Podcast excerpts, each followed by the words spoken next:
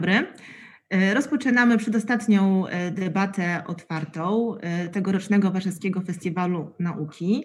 Przed Państwem profesor Anna Czarnecka, biolożka i onkolożka, która reprezentuje Narodowy Instytut Onkologii imienia Marii Curie Skłodowskiej, Państwowy Instytut Badawczy. Dzień dobry. Dzień dobry. Dzień dobry Państwu. Profesor Dariusz Doliński, psycholog społeczny, Uniwersytet SWPS, Wydział Zamiejscowy we Wrocławiu. Dzień dobry. Dzień dobry Państwu. E, I profesor Dariusz Jemielniak, ekonomista, socjolog, Akademia Leona Koźmińskiego. Kłaniam się. Ja nazywam się Natalia Osica i poprowadzę dzisiejszą debatę. Debatę pod hasłem Jaka będzie następna pandemia, czyli co nadejdzie po COVID-19. Dodam jeszcze na wstępie, że e, jesteśmy tutaj w takim składzie, z, dzięki e, profesorowi Wojtkowi Kuleszy, którego tutaj z nami nie ma e, w tej chwili wśród dyskutantów, ale nas ogląda i go serdecznie pozdrawiamy. Jesteśmy dzisiaj w takim składzie. Mamy z jednej strony reprezentację nauk biologicznych, mamy też psychologię, socjologię, ekonomię. To może zacznę od takiego, co w Waszym życiu zawodowym tym życiu zawodowym e, zmieniło się przez COVID? Takie pytanie na rozgrzewkę. Może zaczniemy od e, profesor Czarneckiej. Aniu.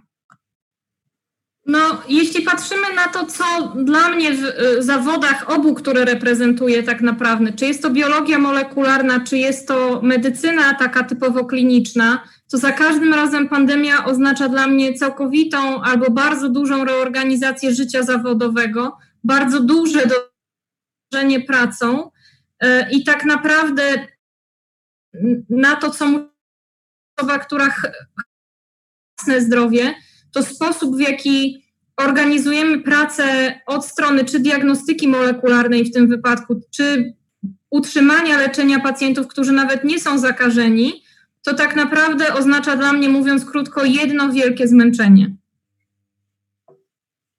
Darku, e, profesor Jemielniak. No, dla mnie to jest bardzo ciekawa lekcja o życiu społecznym, bo ona mówi dwie rzeczy. Pierwsza rzecz to jest taka, że ludzie to są istoty społeczne, dlatego że pandemia pokazała, że mamy ogromny potencjał tego, żeby współpracować. Wspólnie z profesor książką o społeczeństwie współpracy, ona dokładnie to pokazuje. Super nam się na fali książka sprzedaje się bardzo dobrze, bo obrazuje to, w jaki samo organizują się za pośrednictwem technologii, żeby e, robić różne fajne rzeczy, produkować maseczki, produkować respiratory, ale druga rzecz, która jest bardzo ciekawa, to jest nie aspołeczne. W Polsce chodzą bez maseczek, noszą je na brodzie, wierzą Bóg wie jakie, dlatego że nie są w stanie dotrzeć do nich decydenci z komunikatem naukowym, nie są w stanie wystosować spójnego komunikatu, a pada to na bardzo podatny grunt. To, że ludzie zachowują się skrajnie egoistycznie, nie myślą o innych, to jest także niestety smutna lekcja tej pandemii. Także z jednej strony ogromny potencjał tego, że ludzie dużo dobrego dla siebie robią, a z drugiej ogromny potencjał tego, no niestety, siania e, dookoła zła. Mhm. Dzięki. E, profesor Doliński. Ja znalazłem się w potwornym kłopocie, jeśli chodzi o moje funkcjonowanie zawodowe, wtedy, kiedy uderzył w nas COVID. E, zajmuję się przede wszystkim badaniem e, pozawerbalnych zachowań ludzi, a więc sprawdzam, kiedy ludzie sobie pomagają, kiedy sobie e, szkodzą, kiedy skłonni są z sobą współpracować, a kiedy rywalizować w takich realnych, offline'owych sytuacjach życiowych. W związku z tym badanie tego stało się po prostu niemożliwe z przyczyn sanitarnych. Teraz, nawet gdybyśmy to robili przy ograniczeniach zgodnie z reżimem sanitarnym, to ludzie musieli mieć na twarzach maseczki, a to jest sytuacja bardzo specyficzna w takich relacjach społecznych i wyniki byłyby z całą pewnością pewnie interesujące, bo inne, ale niemiarodajne dla normalnego funkcjonowania człowieka. Dlatego moje życie zawodowe przeniosło się trochę do internetu i robię badania E, takie, które no, do tej pory nie leżały w centrum moich zainteresowań. Mhm. Każdy, każdy z Was ma zupełnie inną perspektywę i właśnie o tym dzisiaj będziemy dyskutować. Czyli z jednej strony będziemy rozmawiać o tym, jak wygląda praca z pacjentami i podejrzewam, że oni są też zmęczeni, tak jak, tak jak Ty, Aniu. Z drugiej strony będziemy rozmawiać o tym, jak wygląda współpraca, a może rywalizacja, nie wiem, to zaraz nam Darek Doliński Darek Jemielniak, przepraszam, wyjaśni. A z trzeciej strony y, będziemy rozmawiać o różnych mechanizmach y, społecznych i o tym, jak to, że właściwie nie mamy już tak często kontaktu bezpośredniego jak kiedyś, wpływa na nasze funkcjonowanie. Y, jesteśmy też przygotowani na Państwa pytania, pytania wszystkich osób, które nas oglądają i dla uporządkowania powiem, że odniesiemy się do nich na samym końcu E, wtedy będziemy, e, ja będę te, te pytania czytać, będziemy na nie odpowiadać, także śmiało e, prosimy o wpisywanie ich w okienku czatu, na pewno nam nie umkną. Ale pierwsze takie najważniejsze pytanie, które nawiązuje też do tematu debaty, którą zadali nam organizatorzy. Powiedzcie, czy z perspektywy naukowej można przewidzieć, jaka będzie następna pandemia? I czy w ogóle będzie następna pandemia? E, może od e, ciebie, profesorze Jemilniaku, e, bo się tak uśmiechasz. No, ja się często uśmiecham, tak jakby. Po pierwsze, pandemia oczywiście nie wiadomo, czy będzie, bo nie wiadomo, czy gatunek ludzki dotrwa do kolejnego razu, tak? Ja bym, byłbym optymistą, zakładam, że pandemia jeszcze nam się trafi, bo prawdopodobnie ludzkość troszkę jeszcze pożyje. Natomiast co do tego, jaka ona będzie, to trudno zgadnąć. No w tej chwili to, to, Ania, która jest y, z nas wszystkich najbardziej kompetentna w kwestiach medycznych, y, na pewno mnie poprawi, ale mamy przecież ogromny kryzys chociażby braku y, nowych antybiotyków, nowych grup antybiotyków. Jeżeli to nas dopadnie, to, to chociażby to może być bardzo poważnym problemem medycznym. Mamy problemy związane z gwałtownym potanieniem technologii CRISPR-a, czyli um-, umożliwiających produkowanie różnego rodzaju różnego rodzaju mikrobów. Mamy problemy wynikające z, ze zmian klimatycznych. Jedna z rzeczy, które badam, to są właśnie ludzie, którzy zaprzeczają zmianie klimatycznej. Także ja bym się nie obawiał. No jakby myślę, że jest pewna szansa, że jakaś jeszcze pandemia, pandemia nam się trafi.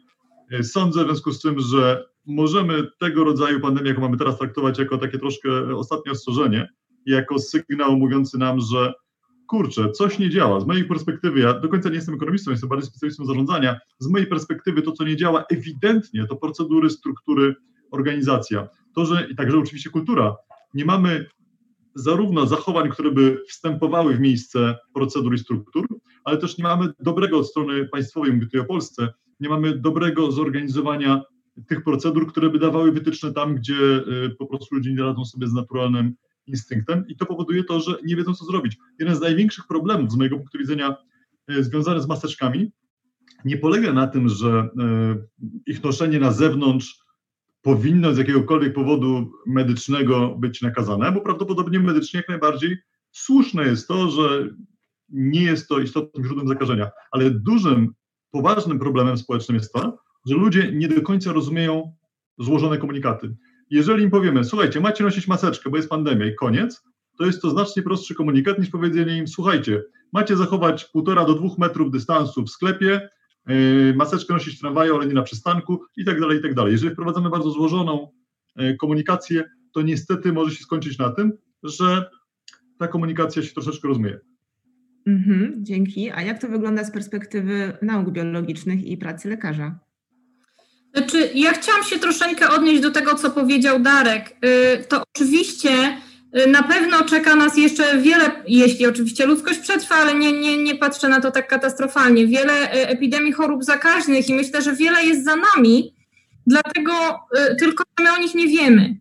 Obecnie biologia molekularna jest na fantastycznym poziomie rozwoju i proszę zwrócić uwagę, że y, y, y, tak naprawdę infekcja wirusem SARS-CoV-2 jest identyfikowana przy użyciu reakcji real-time PCR, tak? Do tego wymagany jest sprzęt, który w najtańszej wersji kosztuje, żeby to uruchomić, sam aparat bez całego dodatkowego osprzętu ponad 100 tysięcy złotych. No to jakby jeszcze kilka lat temu nie, nie, nie było dużo ośrodków, które mogły sobie pozwolić na zakup takiego sprzętu, więc ileś pandemii myślę, że my minęliśmy, widzieliśmy wzrost zgonów, nie wiedzieliśmy dlaczego I im bardziej rozwinie się biologia molekularna, tym my będziemy w stanie tych pandemii czy lokalnych epidemii wykryć zdecydowanie więcej, dlatego że po prostu nauka nam na to pozwala, tak?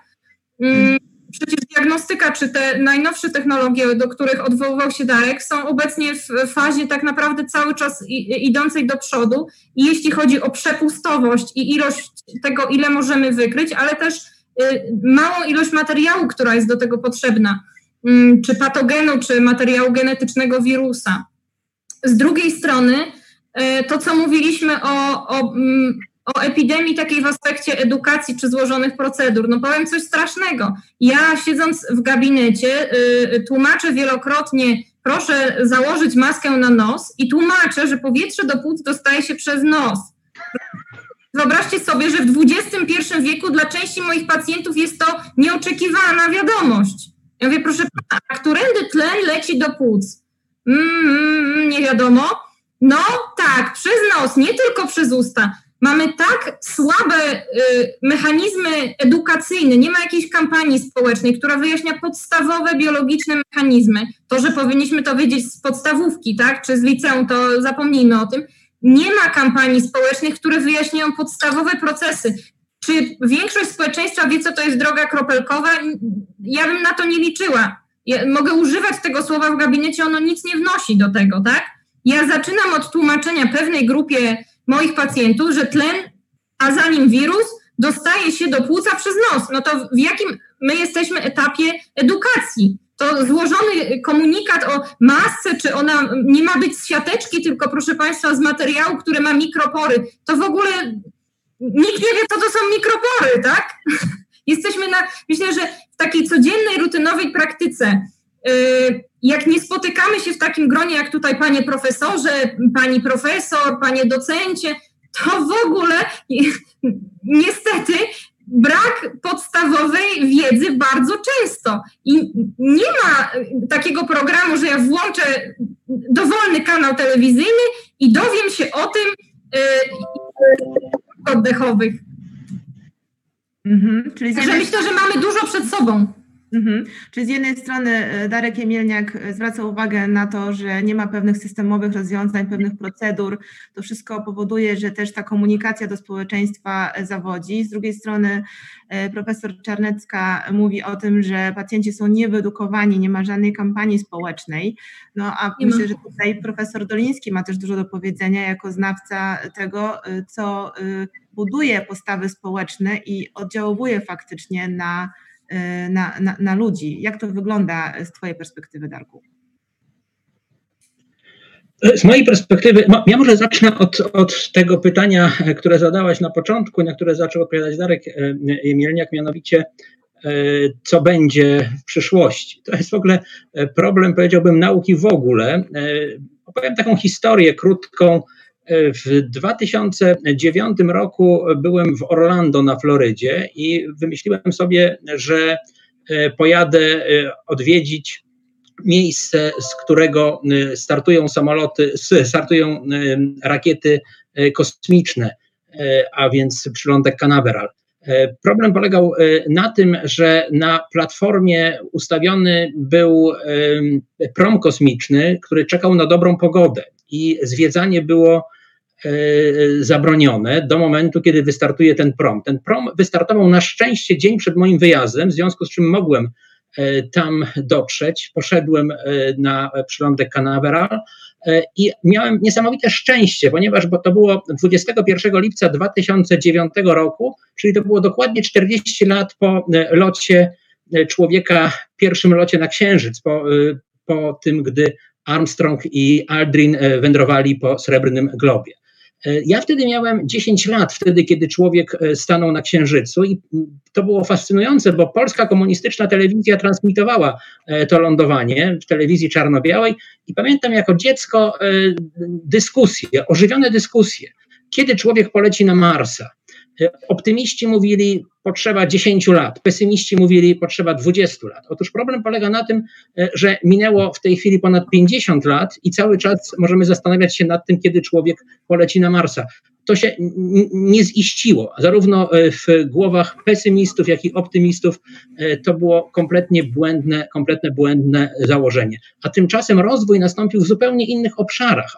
O rozwój nastąpił na przykład tam, gdzie chodzi o e, rozmowy telefoniczne. No wtedy się nikomu nie mieściło w głowie coś takiego jak, jak telefonia komórkowa. Internet przecież się pojawił, który zrewolucjonizował świat, a wtedy, kiedy się pojawił, w ogóle nie sądzono, że to będzie takie epokowe odkrycie. Więc e, jak to się mówi dowcipnie, wszelkie predykcje są ryzykowne, zwłaszcza jeśli dotyczą e, przyszłości. Maxowi Bornowi się to stwierdzenie przypisuje, chociaż również kilku innych konkurentów jest do tego twierdzenia. A więc czy będą, znaczy, pewnie pandemie będą, bo one są stosunkowo częste, e, łatwo, łatwo to przewidzieć, ale jak pandemia będzie wyglądała, jak na ile będzie groźna, jak my ludzie sobie z tą pandemią e, poradzimy, no to już jest rzecz, która jest bardziej w sferze dalekich spekulacji niż, niż możliwości dokładnego przewidzenia tego nie przewidują, my naukowcy nie przewidujemy tak naprawdę przyszłości e, dobrze w żadnej dziedzinie.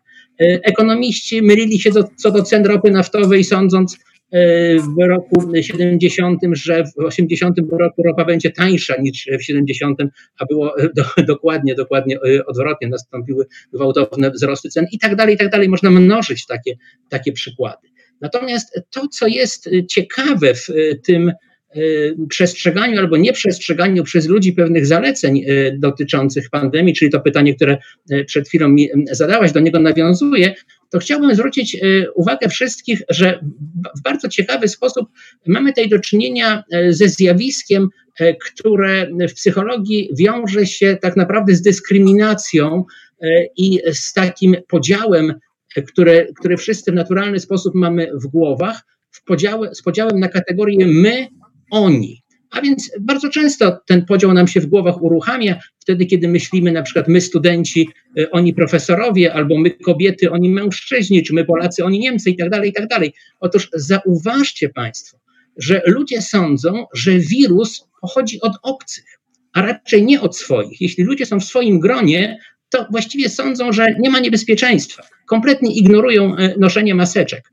Y, jeśli pomyślimy o tym, jak zachowują się ludzie y, na jakichś konferencjach nawet naukowych są w swoim gronie, zdejmują maseczki, mimo że są przecież świadomymi y, zagrożenia ludźmi. Ale jeśli ludzie wchodzą do galerii handlowej, nawet nie myślę o wchodzeniu do sklepu, gdzie trzeba założyć maskę, bo nie będzie się obsłużonym, ale chodzą po galerii handlowej, to wtedy mają maski na twarzach, bo spotykają się z obcymi ludźmi. Zagrożenie przychodzi od innych ludzi. To jest głupie, to jest paradoksalne, ale to jest całkowicie zgodne z psychologią społeczną. Mhm, dziękuję bardzo. Darku, y, chciałeś chyba skomentować, tak? Tak, ja chciałem skomentować, że to było słuszne założenie, że mogliś, mogliśmy byli w ciągu dwóch dekad polecieć na Marsa. Po prostu była kwestia priorytetyzacji technologicznej. Gdybyśmy na to postawili, gdyby projekt y, lotów kosmicznych został rozwijany bardziej, a nie został zwinięty i zamknięty, to pewnie byśmy tam byli już dawno temu. I to rzeczywiście wielka porażka, że jesteśmy w stanie wydawać miliony na to, żeby piłkarz y, kopał piłkę, a nie jesteśmy w stanie wydawać milionów na to, żeby na przykład e, Ania miała komfort pracy taki jak ten piłkarz, e, robiąc rzeczy znacznie pożyteczniejsze.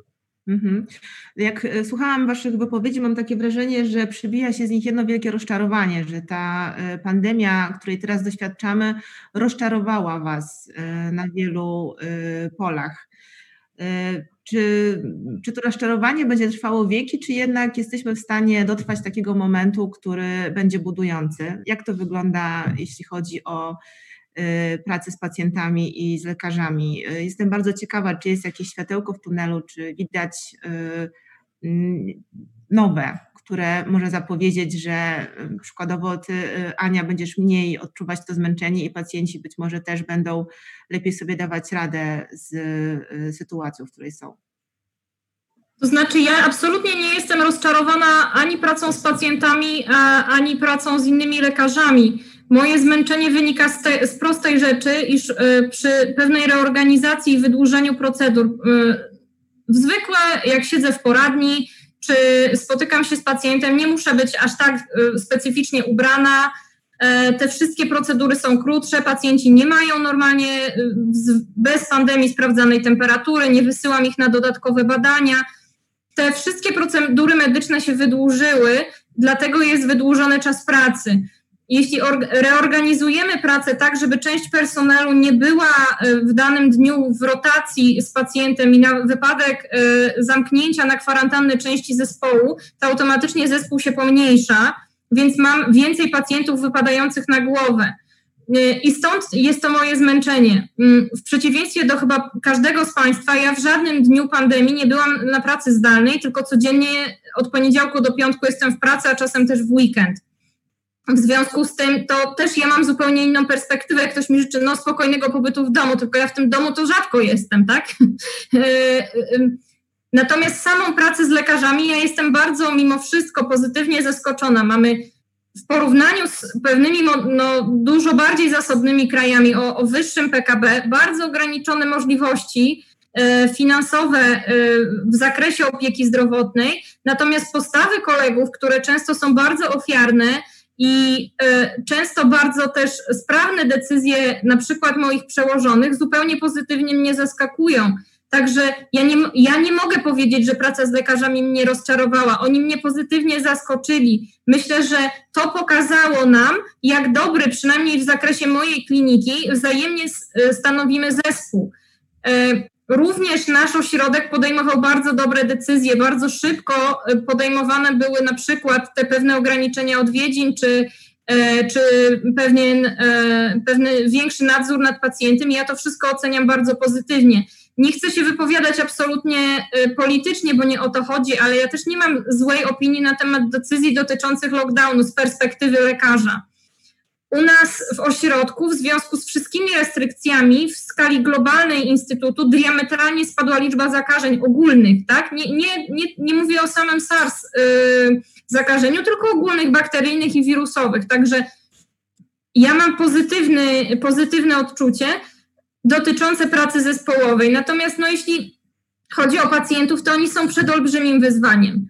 E, jest bardzo trudno dostać się do lekarza e, w ogóle w rejonie. Pacjenci też boją się wyjść z domu.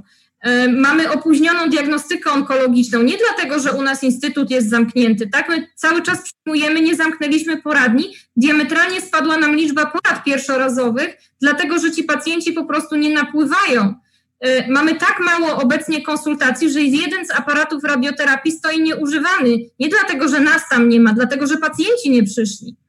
W związku z tym taką pandemię, jak ja widzę następną i to bardzo blisko, to będzie mm, tak naprawdę zwiększenie liczby zachorowań, mm, no może nie zwiększenie liczby, ale ilość wykrytych zaawansowanych nowotworów. Mamy duże opóźnienia w opiece onkologicznej docierającej z rejonu, nie tylko z, z, tego powodu, że są teleporady POZ, z tego powodu, że ludzie nie wychodzą z tego domu. Więc to, co ja widzę jako następne zagrożenie, to jest bardzo duże zwiększenie liczby chorych paliatywnych, którym będziemy mogli tylko przedłużyć życie, ale nie będziemy mogli tych osób leczyć radykalnie. Także no, jeśli chodzi o następne pandemie czy epidemie, mam w swojej dziedzinie mam czarne myśli. Mhm. Opisujesz bardzo trudną sytuację, która jest teraz w służbie zdrowia i która w sumie y, y, trochę mobilizuje, żeby jednak skupić się na tu i teraz, a nie wybiegać w przyszłość. Y, pomyślałam też o tym, jak Darek Doliński powiedział, że właściwie nauka nie jest w stanie przewidzieć przyszłości, więc może skupmy się na tu i teraz, a jednym z problemów jest to, że ludzie odmawiają szczepień. Y, I y, z tego, co, co, co wiem, to są już pewne plany Ministerstwa Zdrowia, aby podjąć się tego tematu i to, jak rozumiem, też będzie pewną odpowiedzią na problem, który e, dostrzegasz Ty, e, Darku, to skieruję się do profesora Jemielniaka. Program Gospostratek to program, w ramach którego Akademia Leona Koźmińskiego z Uniwersytetem SWPS i Warszawskim Uniwersytetem Medycznym pod kierunkiem Ministerstwa Zdrowia, o ile czegoś nie pomieszałam, chce sfinansować badania, które będzie można wdrożyć do 2028 yy, roku, po to, aby dać sobie radę z wyzwaniem, jakim właśnie jest odmawianie szczepień. Tak, tak. No obaj z Darkiem Dolińskim jesteśmy w tym projekcie, także z, z kolegami, koleżankami z CKMP i, i z Uniwersytetu Medycznego. To jest ogromne wyzwanie, dlatego że z mojej perspektywy, ja się tam zajmuję głównie badaniem e, postaw i swoistej pandemii nonsensu, która się rozprzestrzenia w internecie. i niestety ona jest gorsza do zwalczania niż klasyczne pandemie w tym sensie, że w znaczącym stopniu jest nasilana przez technologie, których używamy na co dzień. Sieci społecznościowe żyją z tego, że nasilają e, antagonizmy, a jednocześnie w dużym stopniu umożliwiają koordynowanie działań ludzi, którzy mają podobne poglądy, podobne spojrzenia. W związku z czym samo to dla mnie to jest porażające, że mamy pandemię, ludzie umierają, to, to, to jest po prostu fakt medyczny, a jednocześnie ludzie mówią, że to jest spisek, że trzeba skasować maszty 5G. W Kraśniku bodajże była uchwała o tym, żeby zrezygnować z 5G. Sytuacja absurdalna. Nomen omen, nawiasem mówiąc, to jest o tyle absurdalne, że im dalej jesteśmy od masztu, tym więcej nasz telefon emituje. Z punktu widzenia no, czystej fizyki, najbardziej bezpieczne jest to, żebyśmy mieli maszt tuż nad sobą, dlatego że wtedy nasz telefon potrzebuje najmniej energii, żeby się z tym masztem komunikować. Ale ludziom się maszty kojarzą źle, uważają, że maszty służą do kierowania chipami, które im Bill Gates chce wszczepić. No i z tym mamy nowe średniowiecze. Niektórzy mówią właśnie o tym, że nadchodzi nowe średniowiecze, brak wiary w naukę i w dużym stopniu z tym będziemy starali się, się, się tam zmierzyć. E, Darku, co ty, co ty na to? Ja całkowicie zgadzam się z Tobą, że te właśnie przekonania kompletnie irracjonalne są nie tylko groźne, E, dlatego że one są głupie, one są również groźne cywilizacyjnie. Jest takie miasteczko Kowal na e, Kujawa, gdzie urodziła się moja e, matka, stąd akurat o tym miasteczku trochę wiem. Zresztą aktor Jan Nowicki tam się urodził, król Kazimierz Wielki się urodził. To takie ciekawe miasteczko. Otóż ono podupadło strasznie w XIX wieku, dlatego że miała tamtędy przechodzić linia kolejowa, ale chłopi stwierdzili, że przejeżdżający pociąg będzie powodował, że krowy nie będą dawały mleka i w związku z tym oprotestowali e, projekt tej kolei. Poszła ona e, innym szlakiem, no i miasto podupadło. E, w ogóle tego typu, ty, tego typu mity właśnie są tak naprawdę czymś, co zatrzymuje cywilizację, bo jak w Kraśniku pojawiają się protesty nie tylko jeśli chodzi o maszty 5G, ale również ten to, to, ta wolna strefa dotyczy Wi-Fi w szkołach. Tak więc w Kraśniku nie będzie Wi-Fi w szkołach. Tak, nie wiadomo, słusznie, przepraszam Cię Darku, to jest bardzo słusznie słusznie, dzieci nie powinny używać Wi-Fi w szkołach, to akurat jest pozytyw. Okej. Okay. E, zwłaszcza na lekcjach nie powinny używać. E, jasne. E, tak czy, inaczej, tak czy inaczej, myślę sobie, że mamy tutaj do czynienia z zjawiskiem bardzo groźnym, jeśli chodzi o odmawianie szczepień i pytanie, skąd się to zjawisko bierze, jest na tyle, na tyle powiedziałbym, wielowątkowe, że nawet nie wiem, czy o części tych przyczyn sobie powiemy, ale ja bym chciał powiedzieć o jednej rzeczy, która łączy kwestię szczepień do pewnego stopnia z tymi dziwnymi zachowaniami ludzi związanymi z COVID-em, e, które obserwujemy w tej chwili. Otóż wspólnie z Wojtkiem Kuleszą, który jest pomysłodawcą tego naszego spotkania, a w tej chwili nas słucha, badamy takie dziwne taką dziwną iluzję, która nazywa się nierealistyczny optymizm. Otóż jest to zjawisko, które po raz pierwszy pokazał Neil Weinstein, kanadyjski badacz w latach 80. XX wieku, i on wykazał, że ludzie naiwnie sądzą, że Wprawdzie różne złe rzeczy, typu katastrofa kolejowa, katastrofa kol, y, samochodowa, y, rozwód, alkoholizm, zdarzają się najróżniejszym ludziom, ale te złe rzeczy raczej z większym prawdopodobieństwem zdarzą się innym niż mi. Natomiast dobre rzeczy zdarzą się z większym prawdopodobieństwem mi niż innym. Oczywiście niektórzy ludzie mogą mieć rację, bo jak ktoś mówi, e, prawdopodobieństwo, że ja umrę na nowotwór jest mniejsze niż przeciętny Polak, to ten konkretny człowiek może mieć rację. Nie jest obciążony genetycznie, prowadzi zdrowy tryb życia i prawdopodobieństwo, że jego to dotknie jest mniejsze statystycznie niż przeciętnego Polaka. Ale jeśli 80-90% Polaków sądzi, że jest mniej prawdopodobne, że oni e, zachorują na e, nowotwór powiedzmy płuc niż przeciętny Polak, no oczywiście większość z tych ludzi musi się mylić, albo przynajmniej znacząca część ludzi e, z tej grupy musi się mylić. Stąd to zjawisko nierealistycznego optymizmu e, może być groźne w pewnych wypadkach, bo ludzie mogą sądzić, że nie ma się czym przejmować, mnie to nie dotknie. I pokazaliśmy e, z Wojtkiem Kuleszą i z grupą naszych współpracowników młodych, że dotyczy to również COVID-u. Ludzie, ludzie sądzą, że prawdopodobieństwo zarażania się, zarażenia się koronawirusem jest większe dla przeciętnego człowieka niż dla nich samych. No a jeśli tak, jeśli jest mało prawdopodobne, że ja się zarażę, no to przecież nie ma, nie ma powodów, żebym nosił maseczkę, żebym utrzymywał dystans, żebym specjalnie dbał o czystość dłoni, etc., etc., bo to, to przecież raczej dotknie kogoś innego niż mnie. To samo dotyczy szczepień. Otóż jestem głęboko przekonany, E, że jednym z powodów, dla których ludzie mówią, e, nie chcę szczepić swojego dziecka, nie zaszczepię swojego dziecka, jest przeświadczenie, że ewentualna choroba raczej dotknie inne dzieci e, niż moje, dzieci, moje dziecko, więc właściwie po co mam, po co mam to robić? Mhm. Rozumiem, że skoro razem jesteście w tej grupie badawczej, która będzie zajmować się tym, jak wypracować mechanizmy, aby ludzie nie odmawiali szczepień, to znaczy, że będziecie nad tym pracować i dostarczycie de facto lekarzom e, być może jakieś podpowiedzi albo mechanizmy, które spowodują, że nie będą musieli na okrągło tłumaczyć swoim pacjentom, dlaczego szczepić się trzeba. I stąd pytanie moje do, e, do profesor Czarneckiej. E, jak często spotykasz się z tym, że pacjent nie chce się szczepić i jakie to są argumenty, które za tym stoją z jego strony? Jak to odbierasz?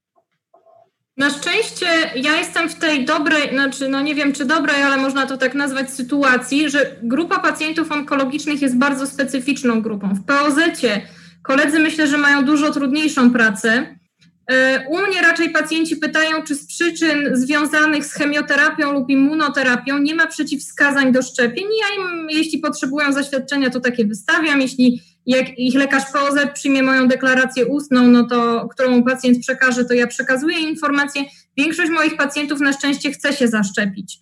Także y, z mojej perspektywy to jest, y, to jest dobra wiadomość. Też no, obracam się w, takim, y, w takiej grupie zawodowej, gdzie większość pracowników ochrony zdrowia zwłaszcza lekarzy, też popiera ideę szczepień, przynajmniej tego, co mamy w typowym kalendarzu i tak naprawdę ja nie mam mm, nikogo ze znajomych w mojej grupie y, takiej najbliższej zawodowej, kto ma nieszczepione dzieci.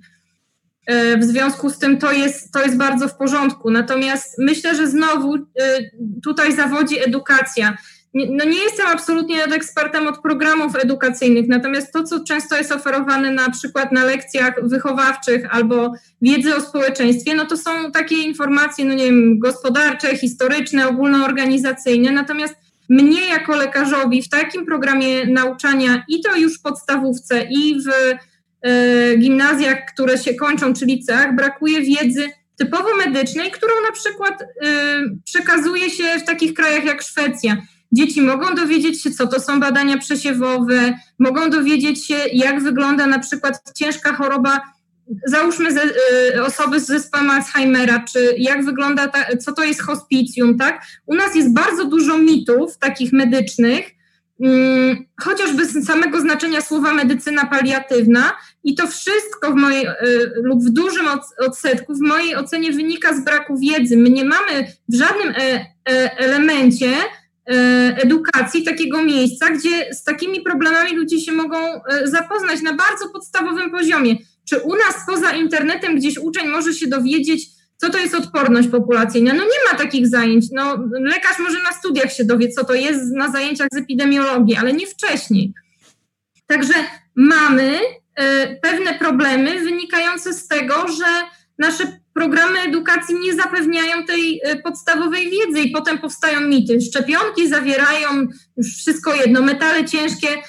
Ostatnio opowiem taką historię, jechałam taksówką na e, e, spotkanie i wsiadłam w maseczce, taksówkarz namawia mnie do tego, że mogę ją zdjąć w jego taksówce, no bo przecież nie będę nosić kagańca i nie będę niewolnikiem tych innych, to zaczął mówi, używać takich słów dotyczących no tak totalnie poprawnie niepolitycznych określeń, również dotyczących sfery naszych rządzących, którzy byli wszystkim już byli, żydokomunem, nazistami, no, masakra. Mi się wydaje, że ten człowiek nawet nie wiedział, co oznaczają te słowa, które wymieniał, niezależnie od opcji politycznej, bo tam wszyscy od prawa do lewa sceny politycznej zostali obrażeni. I wmawiał mi, że na przykład leków nie można przyjmować, ponieważ nie jest znany ich skład. No jako żywo na o każdym opakowaniu leku podany jest skład, więc ja rozumiem, że ten człowiek zakłada, że albo on jest nieprawdziwy, albo go tam nie ma lub nie czyta tych ulotek. To jest nawet substancje wypełniające tabletkę są wylistowane. E, oczywiście opowiadał o tym, że nie będzie szczepił swojego dziecka. Już jak już doszliśmy prawie do tego, że będziemy mieli wszczepiane chipy, to ja postanowiłam nie odzywać się, jaką grupę zawodową reprezentuję, bo bałam się, że mnie wysadzi. Był tak absolutnie, um, powiedziałabym, no, asertywny w swoich wypowiedziach, że to był no, totalny brak możliwości nawiązania logicznego kontaktu um, i występowały takie slogany i no i słowa, których wydaje mi się, że też nie rozumiał, tak, że mamy tu jakichś aktywnych komunistów w Polsce, którzy namawiają nas do czegoś. No nie mamy, tak? Także było to dla mnie takie doświadczenie społeczne, powiedziałabym, dość traumatyzujące. Dobrze, że jechałam na krótkim dystansie. A co do pacjentów onkologicznych, to jeszcze powiem, że koledzy z sekcji młodych onkologów e, po e, Polskiego Towarzystwa Onkologii Klinicznej zaprezentowali w e, e, ostatnim miesiącu wyniki ciekawej takiej pracy, którą zrobili i u nas w ośrodku, ale też w wielu ośrodkach na terenie kraju. Czy pacjent onkologiczny, który ma już rozpoznaną chorobę nowotworową i jest w toku leczenia, boi się zakażenia e, SARS-CoV-2? I większość pacjentów tak naprawdę wykazało się, że bardziej boi się realnej choroby nowotworowej, którą już ma, niż potencjalnego dodatkowego zakażenia. E, było to zależne trochę od lokalizacji nowotworu. E, naj, największe obawy przed, e, przed chorobą COVID miały pacjentki z rakiem piersi. Natomiast wyraźnie był zachowany ten obiektywizm do faktu konieczności walki z chorobą, która już jest, bez y, takiego udziału bardzo dużego y, lęku przed y, samym zachorowaniem czy zarażeniem. Natomiast no, też w miarę ci pacjenci się dyscyplinują. No niektórym muszę tłumaczyć, że mają włożyć maseczkę, ale oni się w miarę starają. Myślę, że, że to jest bardzo wyjątkowa populacja w stosunku do ogólnego społeczeństwa. Oni już walczą z czymś, o czym najczęściej wiedzą, że jest chorobą śmiertelną. Więc myślę, że to, że realnie spotykają się z prawdziwym zagrożeniem życia, które jest rozpoznane, mogą poczytać e, o rokowaniu, czy mają je przedstawione, też zmienia perspektywę takiego człowieka. On, on mi nie mówi o tym, że w szczepionce będzie miał aluminium, on mnie pyta, czy w, między cyklami chemioterapii może, może się zaszczepić na grypę. Mhm. Czyli w zależności od tego, w jakiej sytuacji się znajduje pacjent, to ma zupełnie inne postrzeganie. Na pewno w POZ koledzy mają strasznie ciężką pracę. Tam myślę, że u standardowego e, internisty czy pediatry jest dramat. Mhm. Darku, chciałeś, widziałam. Tak, chciałem się wtrącić, e, jeśli chodzi o ten wątek dotyczący edukacji, bo to nie jest e, tylko problem tego, że ludzie e, nie zdają sobie sprawy z tego, czym jest skład leku, nie czytają składów leku, nie ignorują informacje o tym, że rzekome doniesienia o tym, że autyzm wynika z tego, że dziecko zostało zaszczepione, że szczepionki powodują autyzm, mówiąc inaczej, e, to te wyniki były przecież sfałszowane, wymyślone, mówiąc e, ściślej, e, i tego ludzie nie wiedzą. Ale problem edukacji, jeśli myślimy o kwestii szczepień i nieszczepień, jest szerszy i głębszy. To jest między innymi nieumiejętność myślenia matematycznego u ludzi, nieumiejętność myślenia w kategorii rachunków prawdopodobieństwa. No bo przecież jeśli y, zostaniemy przy tym y, przy tej absurdalnej tezie, że szczepienie jest przyczyną autyzmu, to ona ma oparcie przede wszystkim dla bardzo wielu ludzi, którzy są tak zwanymi antyszczepionkowcami, w osobistych doświadczeniach. Mówią, znam kogoś, y, kto zaszczepił dziecko i to dziecko okazało się być potem, okazało się potem cierpieć na autyzm. Albo znam kogoś, kto zna kogoś, kto właśnie bezpośrednio takie dziecko widział, poznał. Otóż popatrzmy na to z perspektywy rachunku prawdopodobieństwa. Autyzm, e, spektrum autyzmu, różnie to jest w związku z tym szacowane, bo definicja autyzmu nie jest, e, nie jest do końca ostra. E, dotyka mniej więcej 1% populacji w Europie. Jeśli tak, to w warunkach, w których szczepi się, myślę o tym obowiązkowym kalendarzu szczepień, no ponad 90% na szczęście cały czas w Europie, to oznacza, że tak naprawdę jedno dziecko na 100 dzieci zostaje, e, będzie dzieckiem autystycznym, a mówiąc inaczej, przy takim wskaźniku szczepień oznacza to, że jedno dziecko e, spośród dzieci zaszczepionych jedno dziecko na powiedzmy 108, 107 czy 109 zapadnie na autyzm. W związku z tym stosunkowo łatwo jest mieć w kręgu swoich szerokich znajomych jakiś, jakiś przypadek, w którym wiemy, że dziecko zostało zaszczepione, a potem zapadło na autyzm. Natomiast jeśli chodzi o dzieci niezaszczepione, no to jest przecież kilka procent tylko na szczęście w populacji. W związku z tym, e, mimo że autyzm ze szczepionkami nie ma nic wspólnego, e, to spośród dzieci niezaszczepionych możemy znaleźć tylko jedno takie dziecko na półtora tysiąca. Ale w związku z tym ludzie mówią, E, nie znam żadnego przypadku, nie widziałem żadnego przypadku, żeby dziecko, które było niezaszczepione, e, zapadło na autyzm. No oczywiście, że nie, bo mamy zupełnie inne, e, inne liczby na wejściu wtedy, kiedy liczymy procenty. No więc jeśli ludzie nie nauczyli się takiej praktycznej matematyki w szkole podstawowej, a co najmniej w szkole średniej, nie nauczyli się myśleć w takich kategoriach, no to właśnie skutki są takie, że ludzie nie myślą w kategoriach matematyki, statystyki, rachunku prawdopodobieństwa, tylko osobistych doświadczeń. Znam przypadek, że dziecko zostało zaszczepione, a potem okazało się, że ma autyzm. No tak, tylko że mam takie wrażenie, że, że system edukacji nie zmienia się zbyt y, wiele, więc czy to oznacza dla nas, dla społeczeństwa, że będziemy trwać y, w takim stanie, w jakim jesteśmy? Wy będziecie mieli cały czas powód, żeby, żeby wskazywać na to, że edukacja jest niedostateczna i będziemy cały czas y, żyli w takim poczuciu zagrożenia, że jak nie ta pandemia, to inna nas trafi. Może jednak jest jakieś inne rozwiązanie to pytanie do profesora Jemielniaka. Darku, y, bo ta twoja książka, którą napisałeś z Olą Przygalińską, ona tak właściwie daje takie, y, takie, taką nadzieję i, i też jak o niej mówisz, to taki optymizm z ciebie bije, czyli może jednak jest jakaś szansa, że bez zmiany y, systemu edukacji jesteśmy w stanie funkcjonować tak, aby nie odmawiać szczepień i nie stawiać y, w sytuacji zagrożenia całej populacji. Z całą pewnością nie będziemy funkcjonować tak, jak funkcjonujemy. Moim zdaniem raczej będzie znacząco gorzej. Spodziewałem się, że y, te procesy, które, które się rozpoczęły, no akurat pod tym względem, pod względem zidiocenia i tworzenia pewnych takich enklaw średniowiecza, będą się pogłębiać. I społeczeństwo współpracy może być oczywiście pewną odpowiedzią na to, Natomiast ono wymaga wsparcia instytucjonalnego i niestety tego wsparcia w chwili obecnej nie ma. Nawiązując do tego, co mówił, mówił Darek przed chwilą, można paradoksalnie powiedzieć, że autyzm wywołuje szczepionki. Dlatego, że wśród osób zajmujących się badaniami z nauk ścisłych spektrum autyzmu jest częstsze, a to właśnie ściślaki stworzyli e, szczepienia. E, w drugą stronę to oczywiście nie działa, autyzm nie ma, wiemy z, z dokładnych badań, nie ma takich korelacji, natomiast myślenie matematyczne rzeczywiście zawodzi. Mogę podać tu jeden przykład. Moja małżonka miała Y, powikłania poszczepienne.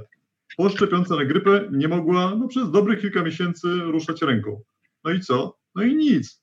Doczytaliśmy. To się rzeczywiście zdarza. Jest to statystycznie rzadkie, ale się zdarza po prostu i shit happens.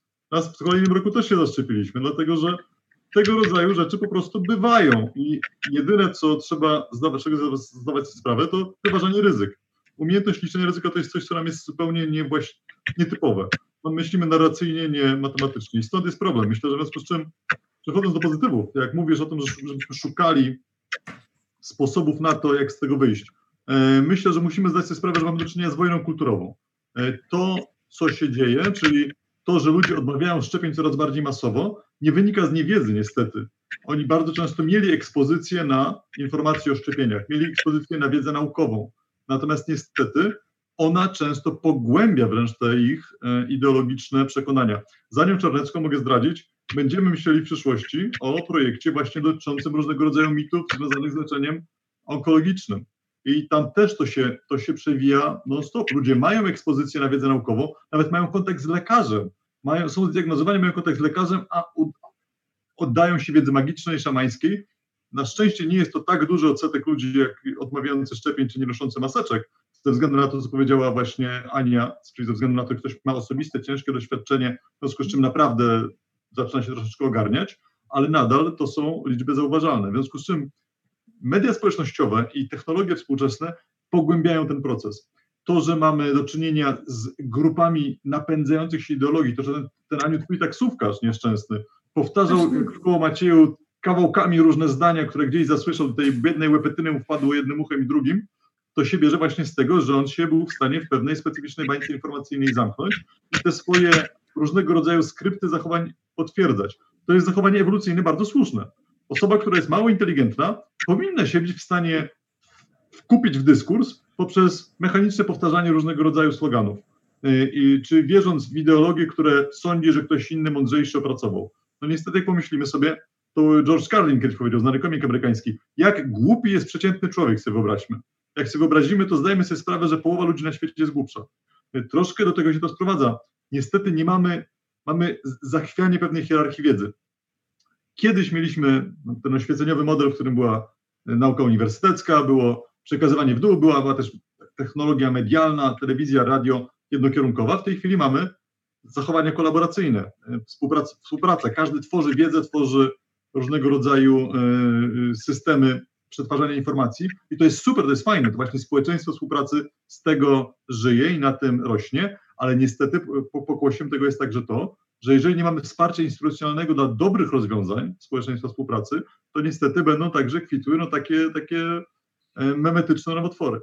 Mm, a czy nie macie takiego wrażenia, że, no bo ta debata, którą dzisiaj tutaj mamy, w której uczestniczymy, no to, to nie jest pierwsza debata na ten temat. Yy, I czy nie, czy, czy nie macie wrażenia, że, że my jednak rozmawiając w ten sposób o, o sytuacji pogłębiamy ten podział na my i oni? Yy, czy, czy, jaki jest też sens prowadzenia takich debat jak ta? Co byśmy chcieli, żeby tak naprawdę się po nich, po nich zadziało, tak żeby osoby, które nas słuchają w sobotę po godzinie 17 miały poczucie, że faktycznie y, coś z tego wyniosły. Ja nie mówię, że to musi być coś pozytywnego, ale powiedzmy sobie... Negatywnego chociaż. Znaczy, jaki jest sens takich debat, skoro wciąż jesteśmy w tym, y, reprezentujemy ten jeden świat równoległy do tego świata, o którym mówimy, Ania, jak ty myślisz? Znaczy, ja myślę, że nasze spotkanie chociażby y, służy temu, co, co ja uważam, że y, brakuje, to znaczy taki, takiego elementu edukacji społecznej. E, nawiążę tutaj do, do tego, y, co mówili Darkowie i myślenia statystycznego. Kryteria rozpoznania autyzmu w tej chwili są takie, że pozwalają na pewne postawienie diagnozy u dziecka w wieku mniej więcej zerówkowym. Wcześniej z przyczyn tego, jakich e, używa się narzędzi do postawienia diagnozy, nie jest to w pełni możliwe. Praca, toczą się prace nad rozwojem też technik e, e, takich, powiedziałam, wspomaganych tej diagnostyki. Natomiast w związku z tym na przykład społeczeństwo nie wie, że jeśli weźmiemy pod uwagę, jak wygląda kalendarz szczepień dziecka, czyli dużo z nich odbywa się już w pierwszym roku życia, to jak rozpoznajemy ten, e, ten autyzm 6 lat później, no to jest e, naturalna szansa, że te dzieci były szczepione, chyba że no, oczywiście były to dzieci rodziców nieszczepionkowców i udało im się przeżyć do 6 roku życia. E, natomiast no, też takich rzeczy nie mamy, więc im więcej mamy takich debat i ktoś może ją usłyszeć, dowiedzieć się takich rzeczy, które nie są powszechnie dostępne, tak? Może zobaczyć jakiegoś naukowca z bliska, tak? Może spotkać lekarza, może y, porozmawiać z kimś, kto należy właśnie do grupy uniwersyteckiej. Te grupy są przecież głównie zamknięte. Ja spotykam swoich kolegów, spotykam y, moich pacjentów, ale taki standardowy przechodzący ulicą Kowalski, no ma małą szansę ze mną porozmawiać, czy z którymś z panów profesorów, tak? Więc myślę, że my potrzebujemy też większego otwarcia dla społeczeństwa, jakiegoś kontaktu tych, e, tych grup uniwersyteckich czy tej wiedzy w sposób taki bardziej popularno-naukowy. Czy festiwal spełnia tą, e, tą rolę, czy na przykład e, kawiarnia naukowa, tak, jest relatywnie mało miejsc, gdzie osoba, która wyczytała te no, banialuki, przepraszam, w internecie, może skonfrontować swoją wiedzę. Jeśli jeszcze ta osoba nie nastawiła się negatywnie i chce gdzieś pójść i się kogoś zapytać, to tak naprawdę no gdzie ma pójść? Mhm. Ja mam taką... się dowiedzieć w poz czegoś, tak, no ale no nie przyjmują na takie wizyty, tak?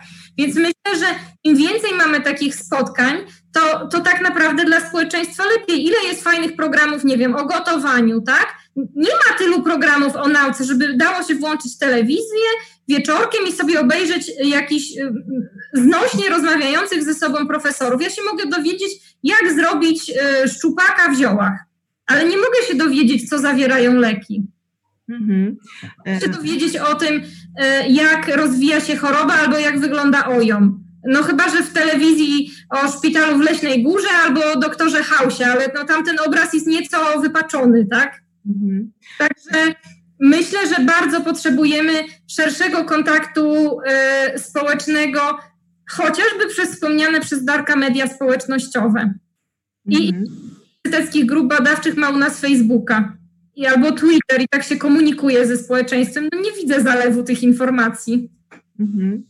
Mam takie obawy, że jednak y, osoby, które nas dzisiaj słuchają, to prawdopodobnie osoby, które interesują się nauką i, i są świadome tych rzeczy, o których rozmawiamy. Ja na przykład jako socjolog y, martwię się o y, o psychikę naszą, naszej, naszej grupy, tych osób, które są świadome i które zdają sobie sprawę, jakie konsekwencje niesie to, że ludzie na przykład odmawiają szczepień. I stąd teraz pytanie mam do profesora Dolińskiego. E, Darku, e, nie widzę Cię, mam nadzieję, że jesteś. Jestem, jestem. Jakiś mam kłopot tak? z obrazem w tej Dobra. chwili, ale mam nadzieję, że jestem słyszalny. Więc chciałam ciebie, ciebie poprosić, żebyś, żebyś powiedział trochę, jak z perspektywy psychologa, Twoim zdaniem wygląda kondycja psychiczna naszego społeczeństwa, tych osób, które jednak są świadome wszystkich zagrożeń, które wynikają z tego, że przykładowo są osoby, które y, odmawiają szczepień, są osoby, które y, zachowują się w sposób y, nieracjonalny, czy też nie przestrzegają pewnych norm, które są po to, aby nas chronić jako społeczeństwo. No, oczywiście tutaj jest problem przede wszystkim tych osób, które żyją w środowisku osób, które są antyszczepionkowcami, E, ponieważ no, człowiek musi, musi chce, chce mieć pewne oparcie e, w innych ludziach, także oparcie w poglądach innych ludzi. Nam się łatwiej żyje wśród ludzi, którzy mają podobne wartości jak my, E, którzy mają po, podobne poglądy dotyczące ważnych rzeczy politycznych, światopoglądowych jak my. Zresztą w ten sposób dobieramy e, swoich przyjaciół, swoich znajomych. Jak każdy z nas pomyśli, jacy są jego e, przyjaciele, jacy są jego znajomi najbliżsi, no to właśnie najczęściej są ci, którzy są do nas podobni, jeśli chodzi o przekonania i postawy dotyczące rzeczy ważnych.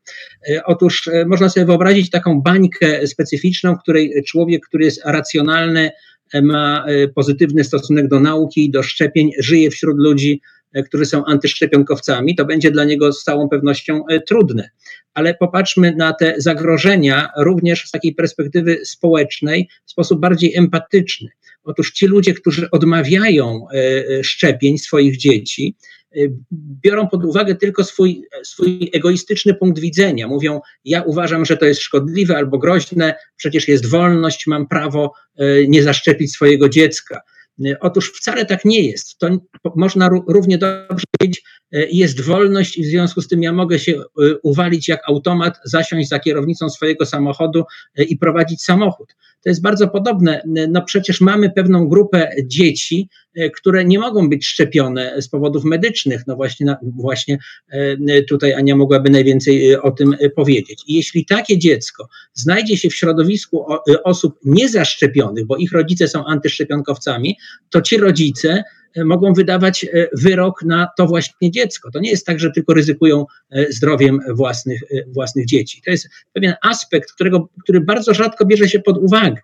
Ten aspekt egoizmu ludzi, którzy są antyszczepionkowcami. To naprawdę nie jest tylko ich własna decyzja i to nie jest tylko coś, co dotyczy ich dzieci. Mhm. Bo właśnie pomyślałam sobie, że nawiązując jeszcze do tytułu debaty, y, czyli jaka będzie następna pandemia, co nadejdzie po COVID-zie, y, z jednej strony Darek Jemieniak powiedział na początku o tym, że generalnie coś nie działa, tak, coś cały czas zawodzi.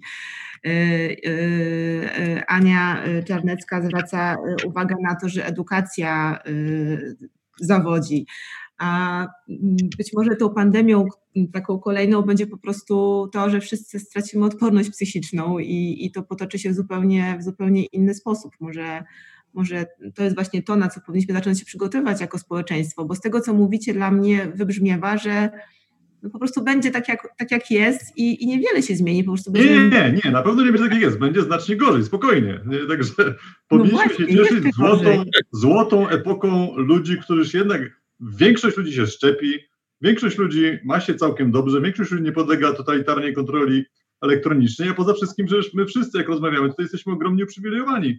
Mamy y, dobre warunki pracy względnie, mamy dostęp do nowoczesnych technologii, w razie potrzeby dostęp do nowoczesnej medycyny. Myślę, że akurat w tej banieczce, w której jesteśmy, porównując się do, do kilku miliardów ludzi na świecie, którzy mają znacznie, znacznie gorzej, możemy się tylko modlić, żeby się nie, żeby się nie pogorszyło znacznie. E, raczej nie, jeżeli mamy, głównym problemem jest to, że mamy, e, że będziemy troszeczkę się źle czuli w lockdownie, będziemy troszkę nie mogli pójść do kina, będziemy z tego czuli pewien dyskomfort, to ja bym chciał, żebyśmy mieli tylko takie problemy. E, uważam szczerze mówiąc, że to, co jest potrzebne, nawiązując do tego, co powiedział Darek Doliński, to powinniśmy odmówić wszelkich, wszelkich usług publicznych os, osobom, które się nie szczepią, bo jakby to jest jedyny sposób. Niestety w naszym kraju, jeżeli za czymś nie idą pieniądze, to ludzie tego rodzaju zakazy lekceważą. Natomiast chciałem powiedzieć jedną rzecz, o której Darek nie wspomniał. Antyszczepionkowcy to są zwykłe pionki, także manipulowane po pierwsze przez ruchy polityczne. Mamy w Polsce poważną partię polityczną, która na tym zwyczajnie zbija sobie kapitał, ale także przez reżimy totalitarne. I wiemy z, z badań z mojej działki, że w interesie reżimów totalitarnych jest dokładnie podsycanie i sypanie sporych pieniędzy, naprawdę dziesiątków milionów dolarów w to, żeby grupy antyszczepionkowe jak najbardziej podsycać, bo wiedzą, że w ten sposób mogą podkopywać demokrację zachodnią. No podejrzewam, że wśród osób, które są powiedzmy w skrócie pronaukowe, yy, też są e, pewne trendy, na które z kolei antyszczepionkowcy wskazują i te grupy cały czas funkcjonują niezależnie obok siebie i każda ma wobec siebie zarzuty i to są takie światy równoległe, które sprowadzają się do tej rozmowy, którą Ania prowadziła w taksówce. No i co, co, co, co dalej, co z, tym, co z tym zrobić, bo jak rozumiem y, y, Darek Doliński i Darek Kiemielniak, wy będziecie pracować y, dla Ministerstwa Zdrowia, między innymi wy nad tym, aby znaleźć sposób na to, że ludzie odmawiają szczepień. Czyli co, planujecie być może yy, jakoś przeniknąć do tego świata antyszczepionkowców?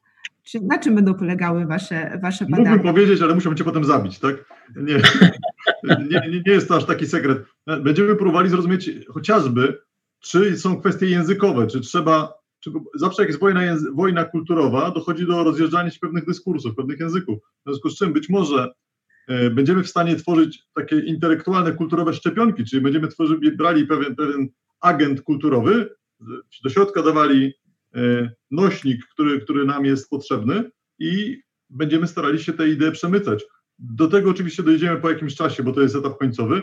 E, na pewno Darek Doliński powie znacznie więcej, w jaki sposób będziemy próbowali w ogóle zrozumieć logikę tych osób i owszem, przeniknąć, z całą pewnością przeniknąć do etapu przynajmniej rozumienia ich systemu wartości. Mhm. Yy, nie wiem, czy Darku, yy, Darku Doliński chcesz coś uzupełnić, skoro Darek Jemielniak tak Cię zachęcił. Tak, no, Darek oczywiście e, powiedział e, sporo. E, nie jesteśmy w stanie też streścić całego naszego programu badań, który, który zamierzamy zrealizować. Powiem rzecz dość istotną, mianowicie taką, że ta grupa ludzi, które, którzy się nie szczepią, no nie jest grupą jednorodną. To nie są tylko szaleńcy albo też ludzie, którzy są manipulowani E, skutecznie e, przez pewne siły polityczne, o których mówił Darek. To są często młodzi, zdezorientowani rodzice, którzy e, z internetu dowiadują się, że w szczepionkach są metale ciężkie i że szczepienie dzieci jest niebezpieczne, albo że jakieś tam dziecko umarło bezpośrednio po szczepionce. A więc to jest kwestia taka, żebyśmy bardzo dokładnie zrozumieli, jakie motywy kierują ludźmi, bo to nie jest tylko jeden motyw, które skłaniają ich do nieszczepienia swoich dzieci. E, abyśmy byli w stanie docierać e, skutecznie do różnych grup, bo to nie jest tylko e, próba dotarcia do tych zatwardziałych antyszczepionkowców, to jest przede wszystkim próba dotarcia z rzetelną wiedzą naukową, przede wszystkim medyczną, bo my właśnie w konsorcjum mamy przecież nie tylko, nie tylko socjologów, specjalistów od zarządzania, od informatyki i psychologów społecznych, mamy przede wszystkim medyków.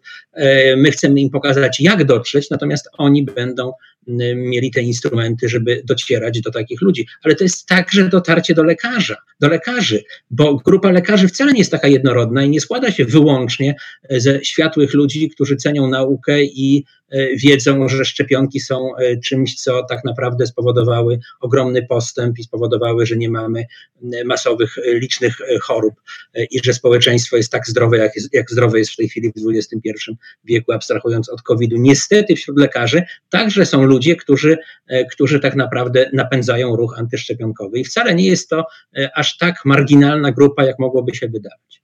Mhm. E, Ania, czy ty jakoś możesz się do tego odnieść, czy faktycznie yy, tak jest? Znaczy tak, od, y, to odniosę się w pierwszej kolejności do tego, do czego zostałam wywołana. W mojej bezpośredniej grupie znanych mi lekarzy nie znam ani jednego antyszczepionkowca, co nie znaczy, że oni nie istnieją. E, natomiast mnie takie grupy nie są znane. Raczej, raczej odwrotnie. Natomiast takim mm, problemem, który ja widzę dotyczącym tego braku szczepień czy różnych innych zachowań prozdrowotnych, jest też y, coś, co, co zwraca Odarek Imielniak uwagę. Mamy pewne odwrócenie się od y, autorytetów społecznych, tak? Nawet jak ja pracuję te y, kilkanaście lat, to widzę, jak coraz mniej wykształcenie medyczne stanowi jakikolwiek autorytet w rozmowie z pacjentem, E, jest taka grupa pacjentów, którzy pojawiają się, mają swoją teorię dotyczącą leczenia, przychodzą, mają swoje oczekiwania dotyczące leczenia, mówią, co konkretnie sobie życzą i że wyczytali to albo w Yahoo, Google, albo gdziekolwiek. Już nawet są takie memy e, na internecie, nie myl, nie myl Yahoo z moim wykształceniem, tak? E, I niestety mm, no jest, to pewien, jest to pewien problem, bo jeśli nie mamy mm, takiej edukacji, która mówi skąd się bierze jakiś problem zdrowotny. Potem tłumaczę to komuś na zasadzie dobrej woli, że ja mu tu przedstawiam, a e, jakby nie stanowię dla niego żadnego autorytetu. E, to też, to też jest to coraz trudniejsze do, do docierania do tych ludzi, bo ja w tym łańcuchu, o którym mówią e, panowie, to jestem takim małym pionkiem tam na końcu prowadzącym pracę u podstaw, to znaczy siedzę na, na końcu tego łańcucha odbiorców i prowadzę te działania edukacyjne. Jeśli e, trafia się do mnie taki pacjent, który chce się o coś zapytać albo widzę, że ma jakiś kłopot, to ja tej informacji udzielam, ale dla części osób, no, moje informacje nie będą istotne i to jest problem, który ja widzę, że narasta w latach mojej pracy. 10 lat temu mm, miałam zupełnie inny odbiór, y, moje słowa były inaczej odbierane, a teraz widzę, że jest grupa, która jeszcze przyjdzie i powie mi, że pani pensja to jest z moich podatków i ja sobie życzę. Y, także od pacjentów lekarze często doznają, no powiedziałabym coś na kształt przemocy tak naprawdę, bo moja pensja jest też z moich podatków, tak? I to, co stosują niektóre kraje zachodnie, to jest taka, no powiedziałabym, odwrotna przemoc y, ekonomiczna. Jeśli nie stosujesz zachowań prozdrowotnych, twoja składka zdrowotna jest większa, bo tak naprawdę generujesz koszty społeczne. Twój nowotwór płuc, który pochodzi od palenia, obciąża nasz budżet krajowy, e, a ty stosowałeś zachowanie, które, o którym było wiadomo, że jest niezdrowe. No u nas pierwszym, wiem, że niepopularnym, ale bardzo dobrym krokiem jest e, podatek cukrowy, który jest w jakiś sposób wprowadzony w innych krajach i przyczynia się do zmniejszenia jednak ilości e, chorób cywilizacyjnych związanych z nadmiernym spożyciem węglowodanów.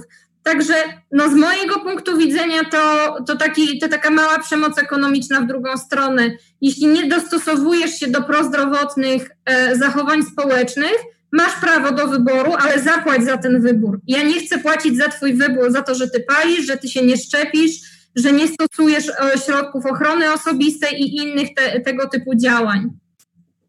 Mhm. Darku?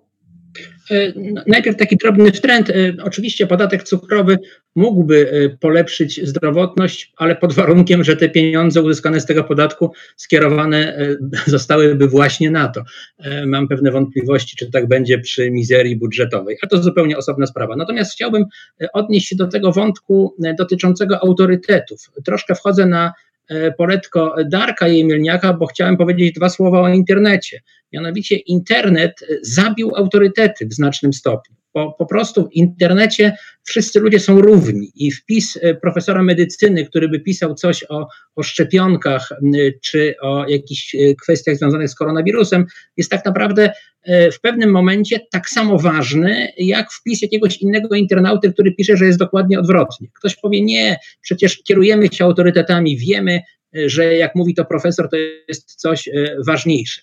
Otóż w psychologii społecznej istnieje takie zjawisko, które nazywa się efektem śpiocha. To zjawisko zostało odkryte troszkę przypadkowo, bezpośrednio po II wojnie światowej temu e, w laboratorium e, niejakiego Howlanda, który zajmuje się, e, zajmował się, bo już nie żyje, perswazją i zmianą postaw. Otóż robił on badania, wydawałoby się dość banalne, mianowicie na ile to, że coś mówi autorytet albo laik, zmienia ludzkie postawy. No i eksperyment wygląda tak, że oto ludzie czytają jakąś informację, jakiś artykuł prasowy, na przykład dotyczący tego, że wkrótce będzie można zbudować łodzie podwodne z napędem atomowym. Mamy mm, czas bezpośrednio po II wojnie światowej, więc wydaje się to rzeczą no, zupełnie, e, zupełnie szaloną, jeśli chodzi o taką, e, o taką możliwość. Ale e, okazuje się, że jedna z grup dowiaduje się, że autorem tej tezy jest Robert Oppenheimer, znakomity fizyk jądrowy, przecież twórca bomby atomowej,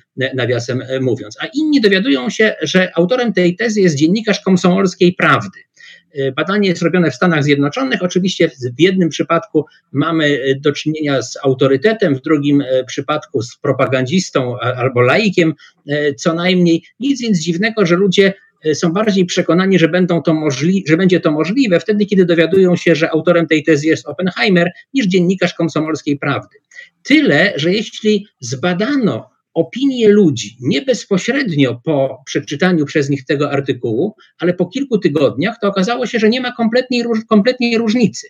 I ludzie są w takim samym stopniu przekonani, że to będzie możliwe wtedy, kiedy dowiadywali się, że Oppenheimer tak twierdzi, jak i wtedy, kiedy dowiadywali się, że oto dziennikarz komsomolskiej prawdy tak twierdzi. Dlaczego? Dlatego, że my, ludzie, zdecydowanie lepiej pamiętamy samą informację niż to, kto jest e, autorem tej informacji, kto jest źródłem tej informacji. Na przykład ktoś nam opowiada jakąś plotkę, my tę plotkę nazajutrz opowiadamy komuś innemu i ten ktoś inny pyta nas, skąd to wiesz? I wtedy najczęściej drabiemy się w głowę i mówimy, kurczę, nie pamiętam, ktoś mi mówił, no chyba w pracy, a więc nie pamiętamy, kto nam to mówił, ale plotkę pamiętamy dokładnie. I tutaj e, w tym eksperymencie Howlanda ludzie pamiętali argumenty, e, pamiętali e, informacje, dlaczego to będzie możliwe, a łatwo zapominali to, kto to twierdzi. I z internetem niestety jest tak, że bezpośrednio po przeczytaniu informacji ludzie mogą powiedzieć, to mówi autorytet, on ma rację, albo to mówi jakiś głupek, on nie ma racji ale same informacje są w ich pamięci przechowywane. I w związku z tym po kilku tygodniach y, i jedna, i druga grupa informacji ma właściwie taki sam status. I to jest naprawdę coś zupełnie, zupełnie y, strasznego i to jest potworny minus y, internetu. Mhm, ale słuchajcie, internauci nas mobilizują, bo debata miała być, odbywać się pod hasłem i trzymać się tego, jaka będzie następna pandemia, czyli co nadejdzie po COVID-zie.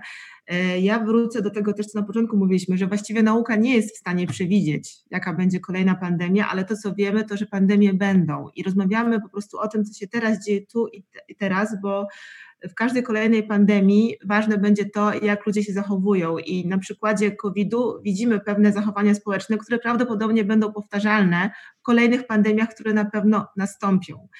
E, I przykład szczepień jest przez nas tak omawiany, dlatego że y, na przykładzie szczepień teraz, w tej pandemii, możemy zbadać pewne zachowania społeczne i zastanowić się, jakie rozwiązania też systemowe można przyjąć, aby kolejne pandemie być może były nieco bardziej ograniczone, bo to od zachowań ludzi, poprawcie mnie, jeśli się mylę, od zachowań zdrowotnych zależy to, czy pandemia się rozszerza, czy trwa dłużej, czy krócej.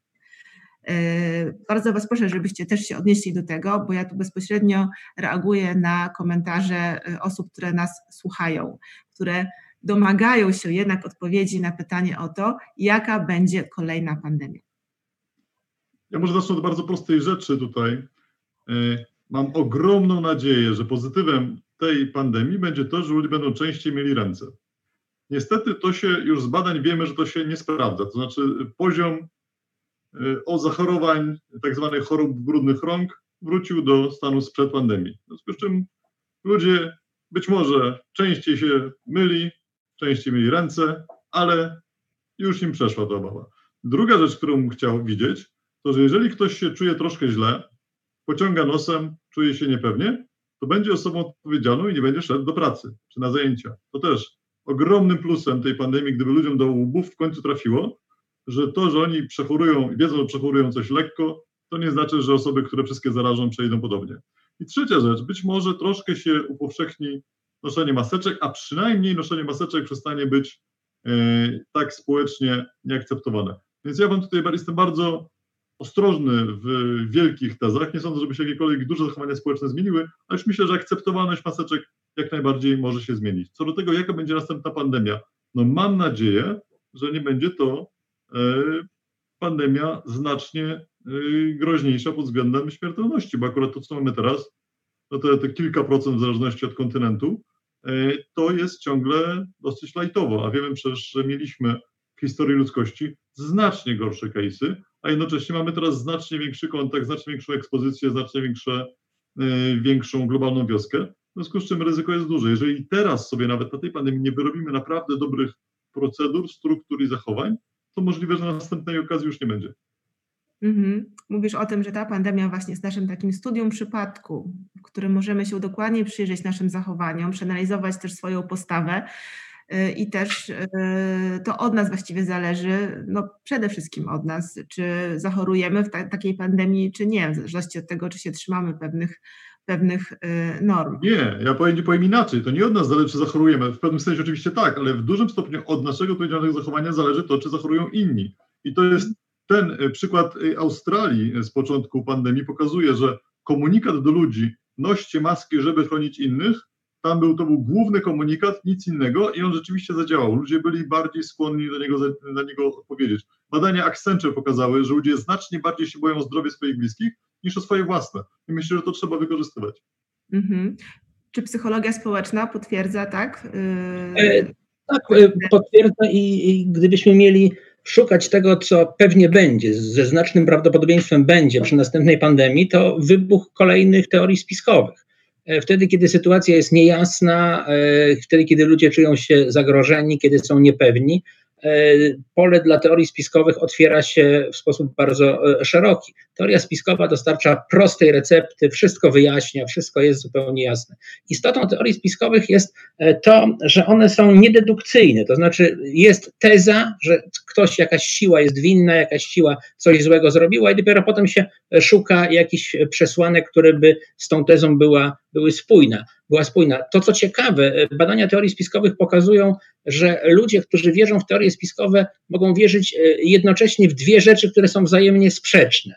Na przykład e, w takich badaniach okazywało się, że ludzie wierzą, że księżna Diana została zgładzona na polecenie służb specjalnych i jednocześnie, że wierzą, jednocześnie wierzą, że rodzina królewska wynajęła jakichś gangsterów, żeby E, zgładziła, zgładzili księżnę Dajanę, a niektórzy jeszcze wierzą, że to e, zostało sfingowane, a ona gdzieś e, żyje, a został zabity Sobowtór.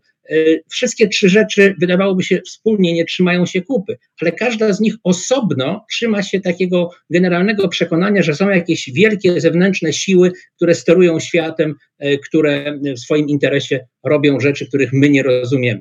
I myślę, że wybuch teorii spiskowej Y, przy kolejnej pandemii jest, jest czymś, co z całą pewnością y, będzie, pod warunkiem, jak stwierdził dowcipnie Darek, że tej pandemii dożyjemy. Tak, miejmy nadzieję, że, że dożyjemy. Ja chciałam przeczytać pytanie, y, które się pojawiło na czacie. Już chwileczkę, bo mi uciekło. Mm. Czy Pytanie właśnie, pytanie dotyczyło tego, czy jeśli byśmy się wszyscy zaszczepili, to czy by śmiertelność tej pandemii spadła? Ale na co zaszczepili? E, jeśli, jeśli, jeśli byłaby szczepionka na, na COVID. To, śmier śmiertelność oczywiście że spadła, tylko że trzeba pamiętać, że tu, tu Ania jako ekspertka nam powie, ale w najbliższych optymistycznych prognozach się mówi o skuteczności 50%. Mhm. Aniu? No to, to znaczy, że jakby, że no owszem, śmiertelność spadnie, no ale nawet jak wszyscy się zaszczepią, to należy się liczyć z tym, że nie wszyscy będą nadal odporni. Natomiast jakby najlepszym, najlepszą szczepionką jest niespotykanie się z potencjalnie chorymi osobami, czyli potencjalnie z każdą osobą, która nie, nie przeszła dwutygodniowej kwarantanny. Mhm. Czyli utrzymanie dystansu społecznego. Mhm. Aniu? Y, to znaczy tak, na, y, szczepienia ogólnie, niezależnie od tego, jaka to choroba, to oczywiście zmniejszają śmiertelność, ale musimy pamiętać o takich populacjach wrażliwych. Y, nie u wszystkich osób z różnych przyczyn medycznych szczepienia indukują tą odporność. Częściowo wynika to z chorób, na przykład wrodzonych niedoborów odporności, E, takie osoby niekoniecznie mogą rozwinąć prawidłową e, odpowiedź immunologiczną. Oczywiście grupą wrażliwą są też osoby, przepraszam, że wrócę do tego terminu, z chorobami istniejącymi. E, po pierwsze są to też zespoły nabytego niedoboru odporności, ale też są to moi chorzy, chorzy onkologiczni, gdzie już wiemy, że grupą szczególnie wrażliwą i taką narażoną na zgon w wypadku zakażenia są chorzy poddani immunoterapii, ponieważ pewne mechanizmy, które prowadzą do zgonu w tej chorobie, są nasilane przez leki, którymi leczy się różne choroby onkologiczne, ale zresztą nie tylko onkologiczne. Także śmiertelność by spadła, natomiast nadal pozostają bardzo wrażliwe y, grupy społeczne, które y, zaszczepione pomimo tego albo nie rozwiną odporności, albo u nich e, ta, ten przebieg choroby może być szczególnie ciężki. Po drugie, jest jeszcze element niepewności dotyczący tego wirusa. Są pierwsze doniesienia o różnych wariantach genetycznych powstających na, w związku z mutacjami. Za mało wiemy o tym patogenie, żeby powiedzieć, Mm, na ile powstających kolejnych szczepów e, szczepionka, która może pojawić się na rynku, będzie, będzie skuteczna. Także jest trochę medycznie po prostu też e, niepewnych informacji. Na grypę trzeba szczepić się co roku, czy, e, a z drugiej strony na przykład na gruźlicę niekoniecznie odporność jest tak naprawdę na całe życie. Więc nie mamy jeszcze takich pewnych danych prospektywnych, które nam o tym powiedzą. Natomiast tak, ogólnie ideą tego jest, że śmiertelność by spadła, z wykluczeniem pewnych grup. Mhm, dziękuję bardzo. E, słuchajcie, myślę, że czas powoli dobiegać do, do, do końca tej, tej rozmowy. E, z, z, tej naszej dyskusji e, wyłania się taki obraz E, świata po pandemii, który będzie niezwykle zróżnicowany pod względem tego, skąd czerpiemy informacje, e, co jest dla nas dobre. E, zachowania, które będziemy obserwować, będą mm, coraz bardziej różnorodne. Przepraszam, że tak się teraz trochę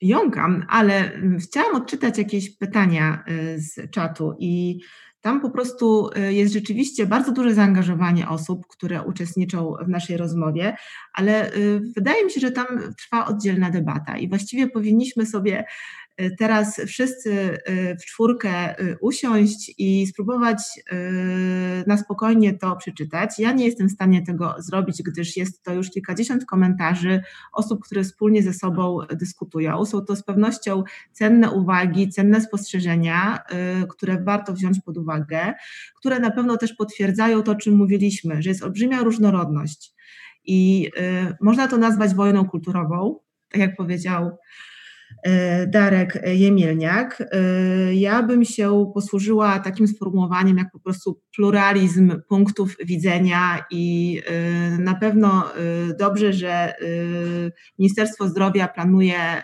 zrealizować ten projekt badawczy, w którym Darku Jemielniaku i Darku Dolińskim uczestniczycie. Ja jako socjolog też e, śledzący, obserwujący e, ten temat, mam takie wrażenie, że ciągle tkwimy w tych dwóch światach równoległych i ta oś komunikacji nie przebiega tam, gdzie mogłaby przebiegać. I już sam fakt, że mówimy o szczepionkowcach i antyszczepionkowcach już jakby napędza ten konflikt. A z tego co wiem, i pewnie Darku Doliński mógłbyś mnie tutaj uzupełnić, to wśród ludzi, którzy odmawiają szczepień, są też osoby e, racjonalne, e, które po prostu mają swoje argumenty na to i nie są to argumenty głupie. Także bo, bo, bo, bo, bo zrozumienie y, tej, tej perspektywy drugiej strony jest tutaj kluczowe i być może w ramach tego projektu Gospostratek uda się wypracować jakąś nową oś narracji, nową oś komunikacji, która nie będzie tak wprost konfliktować tych dwóch grup wokół pojęcia y, proszczepionkowiec i antyszczepionkowiec, pronaukowy i antynaukowy. Co myślicie? Czy, czy jest nadzieja na to, aby tę oś komunikacji, która teraz jest pomiędzy tymi dwiema grupami my i oni, nieco się zmodyfikowała. No my chcemy, chcemy taką oś y, zmodyfikować oczywiście. Tak jak wspomniałem, y, uważamy, a właściwie uważamy, y, jesteśmy tego pewni, że ta grupa, którą umownie nazywamy powiedzmy szczepionko-sceptykami, jest grupą bardzo niehomogeniczną. Tam są bardzo różni ludzie, bardzo różne motywy i z całą pewnością nie uda nam się przekonać wszystkich. My to z góry zakładamy, że ludzie, którzy nie przyjmują żadnych argumentów, którzy nie chcą dyskutować, którzy nie chcą słuchać, e, nie zostaną przez nas przekonani, ale my z kolei chcemy słuchać. Jesteśmy naprawdę bardzo otwarci i wcale nie twierdzimy, że e, wszystkie tezy przeciwników szczepień są kompletnie pozbawione e, sensu. No bo jeśli na przykład oni mówią, są e, powikłania e, w związku ze szczepionkami, no trudno powiedzieć odpowiedzialnie, nie, nigdy nie ma żadnych powikłań, bo byłaby to bzdura. Jeśli oni mówią, w interesie przemysłu farmaceutycznego jest produkowanie szczepień, no trudno z tą tezą racjonalnie polemizować. Przecież to nie jest tak, że firmy farmaceutyczne produkują szczepionki i je rozdają na ulicach, dokładając do tego interesu. Natomiast kompletną bzdurą z kolei jest to, że szczepionki powodują autyzm, że szczepionki powodują, e, zawierają metale ciężkie, które uszkadzają e, ludzkie mózgi, e, że szczepionki są niepotrzebne, że bez szczepionek bylibyśmy zdrowi i tak dalej, i tak dalej. My widzimy czasami racjonalne argumenty przeciwników. Problem polega na tym, przeciwników szczepień, problem polega na tym, że bardzo często oni nie chcą słuchać argumentów racjonalnych naukowych. Mhm. No ja myślę, że my też pewnie, y, my, czyli osoby, które są tutaj dzisiaj y, w, grupie dyskutantów, z kolei być może nie chcemy słuchać niektórych argumentów, które są y, no, zdaniem osób, które sprzeciwiały się na przykład szczepieniom, niezwykle, nie, niezwykle ważne. Znaczy ja myślę, że podsumuję to w ten sposób, że moim marzeniem jest to, abyśmy zmienili tę oś komunikacji i, y, i być może to, to spowoduje, że będziemy siebie lepiej słyszeć y, i, i nastąpi jakieś porozumienie. Na pewno nie jestem zwolennikiem, żebyśmy dalej szli w takie, takie dyskusje na zasadzie y, my i oni i jestem naprawdę pod dużym wrażeniem, że o godzinie 18, a nawet w pół do siódmej wieczorem tak wiele osób jest z nami i tak wiele osób, które mają różne, e, różne e, podejście do tego tematu. Podsumowując więc, poproszę każdego z Was, żebyście powiedzieli ze swojej perspektywy, Aniu, Ty jako biolog e, i lekarz, Darku, Ty jako psycholog i Darku, Ty jako socjolog, ekspert od zarządzania, co Waszym zdaniem musiałoby się wydarzyć, co chcielibyście, żeby się wydarzyło z Waszej perspektywy, abyśmy budowali swoją odporność i po prostu w różnych sytuacjach zagrożenia dla naszego zdrowia funkcjonowali lepiej niż dziś? Może od Ani zacznę. No, to jest takie pytanie nasączone bardzo dużą dozą optymizmu. Ja myślę, że przede wszystkim musielibyśmy mieć bardzo duże y, zwiększenie świadomości społecznej i tej edukacji, o której mówiłam wcześniej. Tak naprawdę pytamy się, jaka epidemia czy pandemia będzie następna. Cały czas trwa pandemia chorób y, nowotworowych, a my nie ekscytujemy się na pasku, ile osób umarło y, globalnie na choroby nowotworowe różne, a codziennie jest to co najmniej miasto. Co musiałoby się stać? Powszechnie wiadomo, że nie należy y, palić papierosów, fajki i innych wyrobów tytoniowych, że nie należy się e, opalać, bo to powoduje czerniaki, nie należy spożywać nadmiernie alkoholu, bo powoduje to raka trzustki, należy zgłaszać się na przesiewowe e, badania, kolonoskopię, gastroskopię, cytologię, należy szczepić się y, y, przeciwko HPV, bo to też także chroni przed chorobami nowotworowymi czy na WZWB, a w ogóle tego większa część społeczeństw globalnie patrząc nie wykonuje.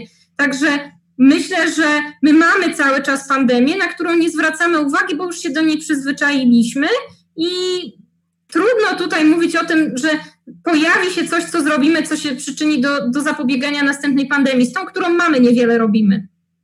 Mhm, Także ja nie mam takiego wielkiego optymizmu e, co do tego, że coś się wielkiego wydarzy. zacznijmy od tego, co już jest i co widzimy, ale jakoś się tym nie przejmujemy. Mhm. Darku Doliński. E, ja oczywiście z perspektywy psychologii e, chciałbym powiedzieć, że taką rzeczą, która może no, nie tyle nawet polepszyć sytuację, ile nadal jej nie pogarszać, bo to jest rzecz absolutnie kluczowa. Jeśli myślimy na przykład o ruchu antyszczepionkowym, e, to on coraz bardziej rośnie w siłę. I podstawowym zadaniem ludzi racjonalnych jest zatrzymanie tego ruchu, a niekoniecznie od razu odwrócenie trendu bardzo ważne z perspektywy psychologa społecznego jest identyfikowanie sytuacji, w których ludzie popełniają błędy decyzyjne, e, popełniają e, błędy wynikające właśnie z niestosowania reguł e, rachunku prawdopodobieństwa, logiki, matematyki, e, błędów polegających na tym, że ważniejsze dla ludzi jest ich bezpośrednie doświadczenie e, niż e, dane medyczne, statystyczne, błędów polegających na tym, że człowiek chętniej wierzy w to, co jest zgodne z jego interesem i zgodnie z jego dotychczasową wiedzą i zgodne z jego stanem psychicznym i tak dalej, i tak. I no, powiedziałbym, że to są błędy powszechne. Gdy mówiłem o tym efekcie nierealistycznego optymizmu w odniesieniu do zdrowia, to wspólnie z Wojtkiem Kuleszą i profesorem Banachem, medykiem oraz grupką jego współpracowników z całego świata, zrobiliśmy badania na populacji lekarzy. I okazało się, że w znakomitej większości przypadków ten nierealistyczny optymizm dotyczący zachorowania, zarażenia się koronawirusem dotyczy lekarzy także. Oni są przeświadczeni, że jest mniej prawdopodobne, że oni się zarażą niż przeciętny lekarz e, z ich e, kraju. No więc jest to, jest to e, taki błąd, powiedziałbym, który dosięga nawet te środowiska, które powinny być najbardziej świadome zagrożenia i powinny najbardziej racjonalnie funkcjonować, zważywszy wiedzę, jaką mają. Mhm, dziękuję. Darku? Ja chciałem troszkę o czymś innym. Czytam komentarze, są super. W ogóle uważam, że przeczytanie komentarzy pod tą dyskusją jest rewelacyjnym ćwiczeniem.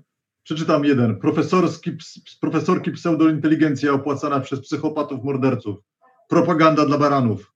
E, myślę, że to jest dość dobry przedmiot dla, dla analizy socjologicznej i także dla e, dobre qui pro quo dla tej naszej debaty. I jedyne, co muszę powiedzieć, to że faktycznie troszkę za mało powiedzieliśmy o następnej pandemii, bo nas troszeczkę te antyszczepionki wciągnęły, no ale kurczę, to, że nadchodzi nam kolosalna pandemia różnego rodzaju chorób, które są chorobami całkowicie unikalnymi, które cywilizacja poradziła sobie, jest w stanie sobie poradzić, a wyłącznie z czystej głupoty, y, zbiorowości i politycznych ruchów przestaniemy sobie radzić, po prostu spadniemy poniżej y, odporności stadnej, to, to jest pandemia, której się powinniśmy spodziewać tu i teraz. Nie żaden magiczny nowy wirus, tylko po prostu zwyczajne choroby, których powinniśmy umieć unikać. Odra przecież kurczę, jest na poziomie w tej chwili 93% wyszczepionych, czyli jest na granicy e, i tego rodzaju poważne problemy społeczne niestety będą narastać.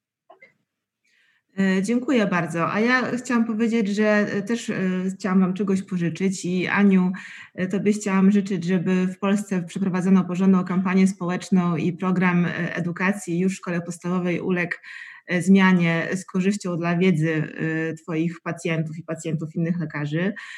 Darku Doliński, Tobie życzę, żeby ludzie zaczęli być optymistyczni, ale realistycznie, a nie nierealistycznie, jak do tej pory, o czym mówiłeś. E, I e, Darku Jemielniaku, Tobie życzę, odwołując się do tego, co powiedziałeś na początku, żeby coś zaczęło działać, no i żeby komunikacja była prostsza, może komunikacja ogólnie w społeczeństwie między ludźmi, którzy mają różne opinie, przekonania, po prostu była, przebiegała trochę inaczej niż dotychczas, a wszystkim osobom, które były z nami, były z nami przez półtorej godziny i poświęciły na tę dyskusję wieczór sobotni, życzę aby pamiętały, że wszyscy jesteśmy ludźmi i niezależnie od tego, jakie mamy poglądy i przekonania, to wszystkim zależy nam na jednym, aby po prostu jak najdłużej żyć i żyć w zdrowiu. Dziękuję Państwu. Dzisiaj dla Państwa y, dyskutowali y, profesor y, Anna Magdalena Czarnecka, biolożka i onkolożka, Narodowy Instytut Onkologii imienia Marii Curie Skłodowskiej, Państwowy Instytut Badawczy, Dariusz Doliński, profesor Uniwersytetu y, SWPS, Wydział Zamiejscowy we Wrocławiu, y, profesor Dariusz Jemielniak ekonomista, socjolog Akademia Leona Koźmińskiego i Natalia Osica. Dziękujemy bardzo, dobrej nocy, dobrej niedzieli i do następnego razu. Dzięki, dobranoc. Dobranoc, dziękujemy bardzo. Dobranoc.